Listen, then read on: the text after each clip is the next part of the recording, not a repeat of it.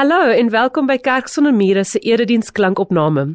Ons is so bly dat jy vandag inskakel en as hierdie boodskap vir jou waardevol is, sal jy dit nie asseblief met iemand deel nie sodat hulle ook die Jesuslewe kan ontdek. Hier is vandag se boodskap. Here, wat 'n voorreg is dit nie om te weet dat U ons liefhet en met ons 'n baie mooi en unieke pad stap nie. Dankie dat ek vandag kan weet daar hoef nie twee Gerrits te wees nie. Daar's net een nodig en U het my uniek en spesiaal gemaak en U het elkeen van ons wat kyk na hierdie aanlyn boodskap uniek en spesiaal gemaak. Dankie dat U vir ons vandag in U woord kom sê, dink reg. Amen. Jare gelede was daar 'n TV-reeks gewees op SAK 1, 2 of 3, ek kan nie onthou watter een nie, met die titel Orkney Snorkney. Baie van julle sou dit gesien het daai tyd. En op 'n episode is Hendrik, die pa wat 'n myner is, baie besig en hy sê maar hy wens eintlik dat daar twee Hendriks was. En Maggie sê vrou vra vir hom hoekom? En hy sê dan kan nie een nagskof werk en een kan dagskof werk. Aan die begin van die jaar ek voel ons dalk almal so. Partykeer het ek al gevoel daar moet twee Gerrits wees. Een kan 'n digter wees en skryf en die ander een kan 'n dominee wees. Maar God soek nie twee Gerrits nie en God soek ook nie twee van jou nie. God soek net een van jou. Hy het net een van jou nodig. Jy is uniek en spesiaal. Selfs al is jy 'n identiese tweeling, is julle nie presies dieselfde nie. Daar's niemand op aarde soos jy nie. En die God van hemel en aarde sê beginne van hierdie jaar vir jou, jy is daar net een nodig van en jy moet reg dink. Vandag skop ons 'n nuwe reeks af wat juis met daardie vraag begin. Hoe kan ek die lewe hê wat ek nog altyd wou gehad het? Vir baie mense is die lewe wat hulle nog altyd wou gehad het net moontlik as daar meer as een van hulle is. Soos Hendrik, jy wil hê dan moet twee van jou wees van dan kan jy die doelwitte bereik wat jy eendag graag wil bereik. As jy 'n skrywer is, wens jy kon twee wees van dan kan jy twee twee keer soveel boeke publiseer. God soek net een van jou. Maar hy sê aan die begin van hierdie jaar vir elkeen van ons by Kerk sonder muur en maak nie saak waar jy is terwyl jy hierdie video kyk nie. Ek het jou lief. Ek het genade vir jou. En weet jy wat? Ek wil vir jou die lewe gee wat jy nog altyd wou gehad het. En daarom begin ons met vandag se reeks met of die nuwe reeks met hierdie tema: Dink reg. God het die mens wonderlik gemaak na sy beeld. En hy wil hê dat ek en jy reg moet dink. Dis interessant as ons nou kyk na die brein, is daar vyf verskillende breingolwe wat in ons koppe is. Ek gaan dit nie als vir jou verduidelik nie, maar dan verder wat vir my interessant is, is dat daar agt neuropaaie is. Die Engels praat van 'n neural pathway. Dis maniere wat jou brein stimulie ontvang. Daai stimulie is belangrik vir jou om vandag te verstaan na aanleiding van die res van die diens hoekom jy deur God se woord kan fokus op wat jy elke dag moet doen deur God se woord kan fokus op wat jy moet doen en dit en dat dit jou gaan help om reg te dink. Hierdie agt brein baie wat daar is of neural pathways ontvang almal stimulie na jou kop toe. Ek gaan dit nie als heeltemal vir jou verduidelik nie, maar ek wil wel vir jou sê dat hierdie agt verskillende paaie wat stimulie ontvang na die brein toe word konstant gestimuleer in ons postmoderne wêreld. En dit gaan mense en gelowiges vat wat intens fokus op God se woord om seker te maak hulle neem die regte dinge in vandag. Dink reg. God wil hê dat hierdie agt paaie waardeur ons brein gestimuleer word, waardeur ons hom beleef tot eer en verheerliking van hom sal wees. Dis daarom dat ons sien dat Paulus reeds in Romeine 12 vers 2 skryf julle moet julle denke vernuwe. Moenie gelyk wees aan hierdie aarde nie sê hy, maar word verander deur julle denke wat vernuwe word. Ek en jy is baie baie bevoorreg dat ons hierdie unieke gawe as gelowiges het wat ons brein is wat in diens van die koninkryk staan. Soos ek vandag vir jou sê jy moet reg dink. Is dit nie iets wat toevallig belangrik is vir jou as 'n gelowige nie? Dit moet 'n daadwerklike poging wees vir jou om jou gedagtes in te span tot die uitbreiding van God se koninkryk. Ek gaan net nou iets daaroor sê. Daarom dink reg. Fokus en kry jou fokus deur en op God se woord. Nou wil ek graag met jou 'n eksperiment deel. Toe ek gehoor het ek moet hierdie preek tema kry en ons is preekspan besluit het ek gaan hierdie reeks afskop met hierdie tema, wou ek 'n eksperiment doen. Nou in my gesin is ek gewoonlik net voor 5uur of net na 5uur in die oggend op. En dan doen ek baie keer my stilte tyd, berei bietjie voor vir die dag, maak seker die kinders se kosblikke is gepak, hulle het vars appel wat gesny is en 'n piesang in die kosblik en en niks lekkers nie. Meeste van die tyd. Wat ek ook dan nou doen in my stilte tyd is ek raak stil in God se woord. Maar ek wil kyk na hierdie ding van die 8 neuro pathways en of daar iets is wat jou dalk so kan fokus wegneem en wat gaan die impak daarvan wees. Toe doen ek die volgende. Ek het vir 3 dae in 'n ry elke oggend gefokus God se woord oopgemaak en 'n stuk gelees. Dadelik oopgemaak en net begin lees. Die ander 3 dae het ek besluit ek gaan eerder kyk of ek 'n boodskap kan kry op YouTube. Ek gaan eerder soek vir ietsie daar. Sommige die YouTube algoritme vertrou en kyk wat spoeg hy vir my uit om te kyk of dit dalk iets is wat vir my kan beteken. Ek kan nou vir julle onomwonde sê, die dae wanneer ek net God se woord oopgemaak het en begin lees het, toegelaat het dat dit my verander, was die res van my dag meer gefokus. Ek het meer die gevoel gehad dat ek moeilike uitdagings kan oorkom en ek het heeltyd die gevoel gehad God is met my. Op die dag wat ek deur YouTube se algoritme gegaan het, het dit eendag byvoorbeeld gebeur dat ek 'n halfuur gesoek het vir 'n YouTube boodskap wat ek dink dalk iets vir my kan beteken. Ek het gevoel asof ek nie heeltemal geland het in daai dag en gefokus genoeg was nie.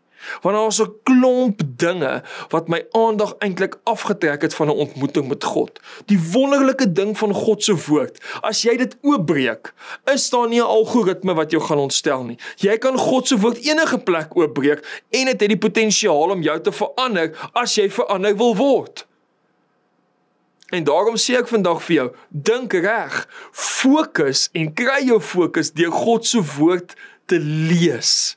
Dink reg. So vandag kan ek in alle eerlikheid vir jou sê dat om daagliks in God se woord te begin my gehelp het om te fokus. Ek wil hê jy moet ook daai fokus kry. Die mens het 'n uitsonderlike kapasiteit om oortuig te wees dat ons kan fokus en dit nie te doen nie. Ons kan onsself maklik om die bos lei. Luister na Psalm 14 volgende verse. Dawid skryf die volgende: Die Here kyk vanuit die hemel na die mense om te sien of daar iemand is wat verstandig is, iemand wat God soek. Gee jou gedagtes en jou brein 'n geskenk in 2023. Soek vir God. Dis die grootste geskenk wat jy jouself kan gee. Fokus op God. Kyk in sy rigting. Dan kyk ons na wat Jesus gesê het want by KSM praat ons altyd oor die Jesus lewe. En dan sien ons dat Jesus gesê het in Matteus 6 vers 33: Soek allereers die koninkryk van die hemele. Soek allereers. Julle onthou die lied dalk baie van julle toe julle jonger was. Soek allereers die koninkryk van God. En teen daai tyd van die dag wanneer of van die erediens van die mense het gesoek het aan die einde was almal al op soek eintlik na hulle karsleutels soek allereers die koning. Kyk, ek wonder of iemand my gebel het. Jesus kom sê vir ons, die begin is die koninkryk. Fokus op die koninkryk en waar vind ons hoe om hierdie koninkryksbeginsels te leef? Dis in God se woord. Dis dis waar jy moet begin. Begin met die koninkryk. En daai koninkryk, julle, dis nou baie belangrik hierdie. Stel my in staat om te fokus op ander goed ook. Ek het 'n passie vir skryf en vir dig. Daarom vind ek God op wonderlike maniere wanneer ek gedigte lees. 'n Fokus op God beteken nie ek mag nooit weer gedigte lees nie. 'n Fokus op God beteken nie ek mag nooit weer loftesversval toe gaan, my hoed opsit met my bilhorings en lekker skree nie. Dit beteken juis dat ek op daai plekke die koninkryk gaan sien wanneer ek intentioneel daarna kyk. Maar dan moet ek 'n daaglikse besef hê dat ek moet fokus op God se woord. Ek moet reg dink oor daardie plekke. 'n Goeie voorbeeld in my eie lewe was nou so week of wat gelede. Ek het 'n reeks op Amazon Prime gekyk oor die Australiese cricketspan. Ek's baie lief vir cricket en veral vir 50 cricket. En een van die ouetjies wat cricket speel vir Australië is 'n man met die naam van Manus Labuschagne. Maar dis eintlik Magnus Labuschagne nie, want hy's 'n Afrikaanse kind hoewel hy's Australies, maar hy kom eintlik van 'n Afrikaanse oorsprong af. Magnus is baie lief vir die Here. Ek het nie die Australiese toets reeks gekyk op Amazon Prime omdat ek gedink het ek gaan 'n getuienis hier kry van Magnus wat lief is vir Jesus nie. Maar ek het dit nog steeds gesien. Ek kan daai reeks kyk en ek kan sê, "Wow, dis nou interessant. Kyk net hoe mooi getuig hierdie jong man wat die godsdiens geleer het wat ek en jy beoefen dat ons Christene is, ons Jesus lewe leef. Hy het alsin in Suid-Afrika gekry, eintlik toe hy nog baie klein was en sy ma het dit oorgevat saam met hom Australië toe en nou kan hy getuig." Magnus Labeskag nie praat daarvan of Manus Labeshine of terwyl dit nou sy naam is praat daarvan hoe hy as 'n kind net in sy bed kon lê met Jesus praat. En hy het 'n impak gehad op sy cricketspan. Die koninkryk het dit self vir my gewys in 'n doodgewone sekulêre TV-reeks en jy moet jouself so instel. Dink reg en jy gaan God vind op die onmoontlikste van plekke wat daar is. Jy kan dus fokus op ander dinge ook, maar begin by die koninkryk. Wanneer ons fokus op die koninkryk wat ons vind in God se woord, dan help dit ons ook om ons passies in lyn te kry met dit wat ons wil hê God moet doen.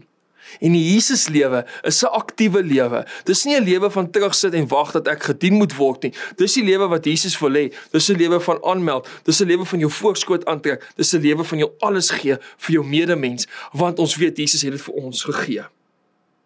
Miskien wonder jy dalk nou vandag ook. Ek hoe gaan dit met my finansiëel? Gaan ek finansiëel oukei okay wees in 2023? Want ek vir jou goeie nuus, daar's iemand in die Bybel wat bekommerd was oor sy geld ook. Daar was 'n weduwee met 'n leek ryk. Sy was uiteindelik bekommerd oor haar finansies. Sy was bekommerd oor waar hy iets vandaan gaan kom vir hom te eet. Het jy ooit gewonder of jy die regte lewensmaat gaan kry? Daar's iemand in die Bybel vir dit ook. Isak het dieselfde ding gewonder. God het vir hom Rebekka gegee. Wonder jy of jy 'n goeie ouer is? Daar's vrae wat gevra word soos dit in die Bybel. Daar's mense wat in die Bybelse tyd oor daai selfde vraag gewonder het. Fokus op hoe jy hierdie dinge gaan wees en hoe jy dit gaan kry deur te fokus op God se woord. Wonder jy of daar werklik 'n God is? Of jy uniek en spesiaal is of jy gehoor word. Daar was mense in die Bybelse tyd wat daai dieselfde vraag gevra het. Jy en ek is nie alleen wanneer ons daai vraag vra nie. En ek en jy word nog steeds gereeld met daardie vraag gekonfronteer. Maar nou is daar mense wat ook glo wanneer jy die Bybel uit jou kop ken, sal jy naby aan God wees. Dis natuurlik hierdie mense wat sê lees die Bybel in 'n jaar en en dan dan het die Bybel jou verander. Ek kan julle sê ek het al die Bybel in 'n jaar gelees en dit was vir my 'n wonderlike belewenis. Dit was so lekker om te sê ek kon dit doen. Maar weet jy wat? Op 'n stadium word dit so 'n bietjie doelwit wat jy net wil bereik eerder as om die Here te ontmoet.